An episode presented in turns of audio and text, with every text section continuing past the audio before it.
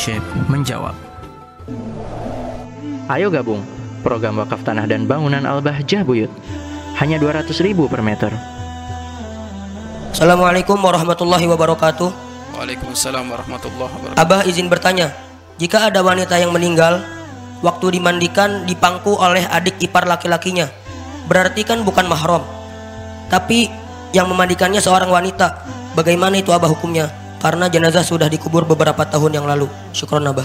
Seorang jenazah perempuan dimandikan oleh adik iparnya. Kalau sesama perempuan ya nggak masalah. Kalau sesama perempuan nggak masalah karena martabatnya adalah siapa pun yang mati yang memandikan harus sejen sejenis. Yang mati laki-laki yang memandikan laki-laki. Yang mati perempuan yang memandikan perempuan. Boleh lawan jenis perempuan dimandikan laki-laki asal suami suaminya. Atau kalau enggak yang mahram sama dia. Ya? Kalau adik ipar laki-laki enggak mahram kakak ipar laki-laki enggak mahram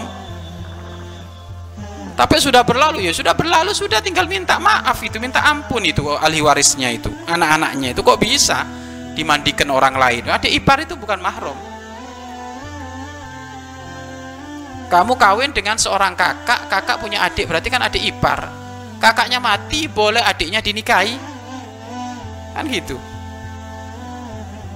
Makanya adik ipar kakak ipar bukan mahram kalau yang sejenis ya nggak apa-apa. Adik iparnya perempuan yang mati perempuan ya nggak apa-apa.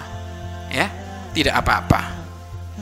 Adapun kalau ternyata sudah kelewat berlalu ya sudah tinggal istighfar banyak minta maaf kepada Allah Subhanahu wa taala wallahu a'lam bissawab Mari berinfak untuk operasional lembaga pengembangan dakwah Bahjah Buyut.